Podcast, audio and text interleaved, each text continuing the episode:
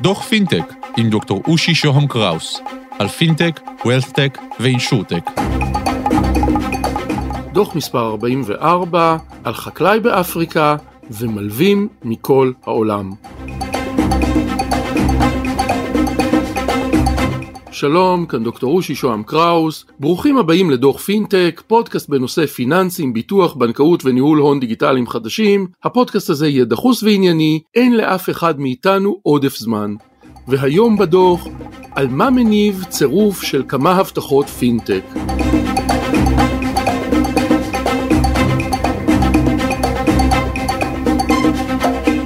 מהפכת הפינטק, כלומר המיצוי העמוק של פוטנציאל החיבוריות של האינטרנט בעולם הפיננסים, מתאפיינת בין היתר בעבודה עם פלטפורמות המחברות נקודות קצה עם נקודות הזנה. במקום רשת היררכית שבראשה גופי ענק ומתחתיה פזורים בודדים, או מקבצים של בודדים, הרשת מעמידה אותנו על מישור ומאפשרת חיבורים פתוחים יותר, יעילים יותר ומתגמלים יותר. השוק הפיננסי מתרחב, מאפשר לשחקנים חדשים וותיקים להיכנס לתחרות, מוריד מחירים ופועל בסופו של דבר לטובת נקודות הקצה, בני האדם הפרטיים שמקבלים שירותים. והיום, על פלטפורמה המתמחה בחיתום, ניהול משקיעים, קיבוץ משקיעים לכדי מתן הלוואה אחת, בדיקת התאמת הלוואה והלוואה בתנאי קצה הזויים, כפריים באפריקה וערים נידחות בהודו. שחף ארליך, מנכ"ל טריה ישראל, תוכל לספר לנו על פעילות פינטק כזו? הגדולה של פינטק היא היכולת בעצם להנגיש אה, אה, פעולות פיננסיות עד לנקודות קצה גם אם הן מאוד מרוחקות, גם אם מאוד מסובכות, גם אם מאוד מאוד קשה למערכת הרגילה להגיע אליהם, המערכת הפיננסית בעצם יכולה, המערכת הפינטק בעצם יכולה להגיע למקומות שהמערכת הפיננסית המסורתית לא מצליחה, הדוגמאות שיש לנו על הודו ואפריקה הן דוגמאות מאוד מעניינות, בהודו, בהודו יש 1.3 מיליארד אזרחים, מתוכם בערך מיליארד לא יכולים להגיע אה, אה, לבנקים, פיזית הם לא, הם לא יכולים להגיע לבנקים ובגלל זה גם המערכת הרגולטורית וגם המערכת הטכנולוגית מאוד התקדמה, הודו הרבה יותר מתקדמת ממדינת ישראל, אנחנו רואים אה, שלכולם כמעט יש חשבונות בנק שהם מזוהים ביומטרית על ידי טביעת אצבע, השותפים שלנו בהודו למשל יש להם 220 אלף מה שהם קוראים כספומטים אנושיים, מה זה כספומט אנושי? זה בעצם בן אדם שיושב בבודקה ומגיע אליו הלקוח מזדהה בפלאפון, בפלאפון שלו, של הלקוח, באמצעות טביעת אצבע, מבקש משיכת כסף מהבנק ובעצם אה, אותו כספומט אנושי הוא זה שנותן לו את הכסף ומרוויח על הטרנזקציות. בעצם מה שאנחנו עושים למשל עם השותפים שלנו בהודו זה להביא את ההלוואות לאותם כספומטים אנושיים, לאותם נקודות, נקודות גישה ופתאום מהלוואות אה, אה, של, אה, אה מהלוואות בריביות של 50 אחוז הם בעצם יכולים להגיע לריביות של 20 אחוז, חצי, אה, פחות מחצי אה, מהמחיר היום, למה? כי בעצם אה, אה, אנחנו מאפשרים גם לגופים פיננסיים רגילים, גם לבנקים בעצם, לרכב עלינו ולנצל את הטכנולוגיה שלנו עד הנקודה שבה הלקוח נפגש איתנו, ובעצם אם אתה רוצה, אחד, אנחנו משתמשים במונח embedded banking, אנחנו בעצם, בעצם מטמיעים את, את המערכות הבנקאיות בנקודות ש, שככה הן לא יכולות להגיע אליהן, זה כמובן מתרחב, זה פתאום לא רק בנקים מגיעים לשם, אה, אה, גופים פיננסיים אחרים, תחשוב על קרן פנסיה אמריקאית שפתאום השוק ההודי פתוח בפניה עד רמת הלווה הבודד והיא יכולה כבר לעשות את החישוב שלה, של הדיפולטים, של הריבית, של, של האם זה משתלם או לא משתלם, אבל לשוק שככה היא פשוט לא יכלה, הדבר היחיד שהיא יכלה לעשות זה לקנות, או, לקנות תיק אחרי שהבנק או, או, או הגורם הפיננסי המקורי עשה, עליו, אה, אה, עשה עליו את הרווח ומכר לה אותו אה, אחרי, אחרי הרווח, זה, זה פשוט מאפשר, זה מאפשר תחרות בשני הצדדים, זאת אומרת מצד אחד יש הלווים אה, מצליחים להוריד את, את, ה, את הריבית שהם משלמים, ומהצד השני הגופים הפיננסיים מצליחים להגיע, למה, מצ... למה הריבית יורדת? כי גופים פיננסיים שככה לא יכלו להגיע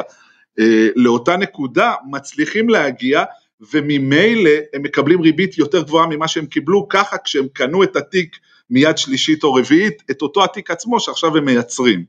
אה, שחף, אה, לך איתי חצי צעד אחורה, מה פירוש שטריה מביאה את הכסף לכספומט האנושי? מה בעצם קורה שם? בעצם, בעצם מה שקורה בתוך, ה, בתוך הכספומט האנושי, הלקוח מגיע, הוא מזדהה, מאוד קל לזהות אותו במקרה הזה כי הוא מזדהה על ידי טביעת אצבע במקרה הספציפי הזה, אז הזיהוי שלו הוא חד חד ערכי, ובעצם המערכת של טריה מבצעת חיתום באותה נקודה. עכשיו זה שונה לא רק ממדינה למדינה, זה יהיה שונה בהודו או באפריקה ממקום למקום. למה? כי לצורך העניין, אם ניקח קהילת אה, מגדלי קקאו אה, באפריקה, אז מה שאנחנו נראה שאותה קהילה שמה אה, כרית ביטחון, first loss של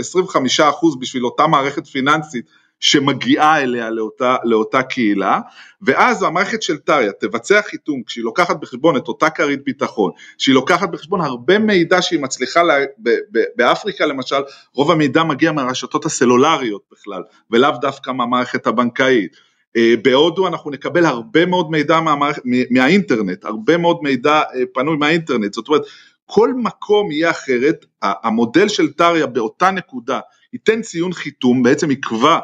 את הריבית, הריבית ובאותה נקודה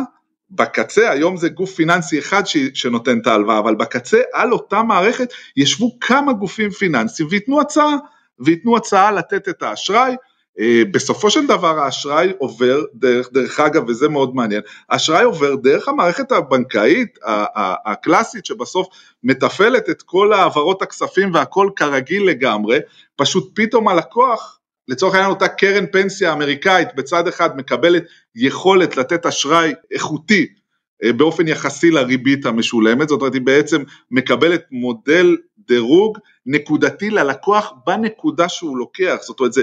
יש הבדל אם אתה קונה אה, רכב במדינת ישראל או אם אתה קונה קקאו מהמדינה באפריקה או אם אתה קונה או אם אתה לוקח חמישה דולר מהכספומט האנושי בהודו כל, כל, כל נקודה כזאת תייצר תוצאה אה, שונה כמובן של מודל החיתום ו, ושל ריבית אחרת ועל פי, פי דירוג הסיכון. ותחשוב שפתאום מערכות פיננסיות, גופים פיננסיים שהם עמוסים בכסף ולא כל כך יודעים מה לעשות איתו, נפתחים אה, לעולמות עולמות מלאים של אשראי שהם לא יכלו להגיע אליהם עכשיו, או שזה לא נכון שהם לא יכלו להגיע, הם הגיעו אליהם, רק שהם קנו את אותו אשראי מיד שלישית או רביעית בריבית הרבה יותר נמוכה ממה שהם יכולים אה, אה, לקבל היום בנקודת המכירה. אה, שחף, שאלה יותר כללית, אתה אמרת שאתם עובדים עם בנקים ועל תשתית של בנקים בחלק מהדברים, מה היחסים בסופו של דבר בין בנקים לבין הפינטק? תראה, יש הבדל במערכת היחסים לפני אה, חמש שנים, מערכת היחסים היום ומערכת היחסים כמו שאנחנו רואים אותה בעוד חמש או עשר שנים. אז אם אנחנו רואים בעבר, בעבר המערכת הבנקאית התייחסה לפינטק כאיום משמעותי על, על קיומה. וזה נכון ב, בכל שוק שבו נכנסת טכנולוגיה, השחקנים המסורתיים אה, בצדק לפחות מבחינתם, בשלב הראשון אה, רואים בזה תחרות נוראית על עצם קיומם, אה, היום יותר ויותר אנחנו רואים יותר ויותר בנקים, בעיקר בנקים גדולים מאוד, אה, הרבה בארצות הברית אנחנו רואים את זה, שבאים ואומרים אוקיי אה, הבנו, אנחנו לא נעצור את המהפכה הזאת אז אנחנו מצטרפים אליה, אנחנו משתמשים בפינטק על מנת להגיע למקומות שעד היום לא הצלחנו להגיע אליהם איפה אנחנו רואים את זה בעוד אה, חמש או עשר שנים, די ברור שהפינטק יהיה תשתית עבור המערכת הבנקאית, הוא לא יהיה תשתית רק עבור המערכת הבנקאית, הוא יהיה תשתית גם עבור המערכת הבנקאית, גם עבור המערכת המוסדית, אה, קרנות הפנסיה הענקיות בעולם, במובן הזה הוא בהחלט ייצר המון המון תחרות למערכת הבנקאית, מצד שני אה, הוא ייצר המון שווקים למערכת הבנקאית שככה הם לא היו, תחשוב שבנק בישראל בעצם יתפעל לצורך העניין עבור בנק גדול ממנו פי 50 אה, בארצות הברית, אה, מערך אשראי שלם אה, בנקודות מכירה במדינת ישראל. אז נכון שהבנק בישראל מצד אחד יבוא ויגיד אני לא נותן את האשראי שלי זה נורא ואיום, מצד שני זה התפתחות לעולמות שלמים, לנו די ברור שבסופו של דבר הפינטקים יהיו תשתית עבור המערכת הבנקאית ועבור מתחרים של המערכת הבנקאית, המערכת האשראי תשתנה לחלוטין בעולם, הספקי אשראי לנקודת הקצה, לצרכן, לא, יהיה, לא יהיו רק המערכת הבנקאית כמו שזה היום, זה יהיה, בישראל דרך אגב זה רק המערכת הבנקאית, בארצות הברית אנחנו רואים תוצאות שונות כבר לחלוטין, אבל התשתית הזאת תהיה אחידה. אנחנו רואים את זה בהודו, איך התשתית האחידה הזאת משמשת את כולם בסופו של דבר. שחף ארליך, מנכ"ל טריה ישראל, ממש תודה שהיית איתנו. תודה רבה. אני מרצה ומייעץ בתחומי הדוח, תוכלו לכתוב לי באושי את אושי.co.il, לשלוח וואטסאפ ל-050-88983322 או בלינקדאין שלי באנגלית דוקטור אושי שוהם קראוס, להתראות בדוחות הבאים.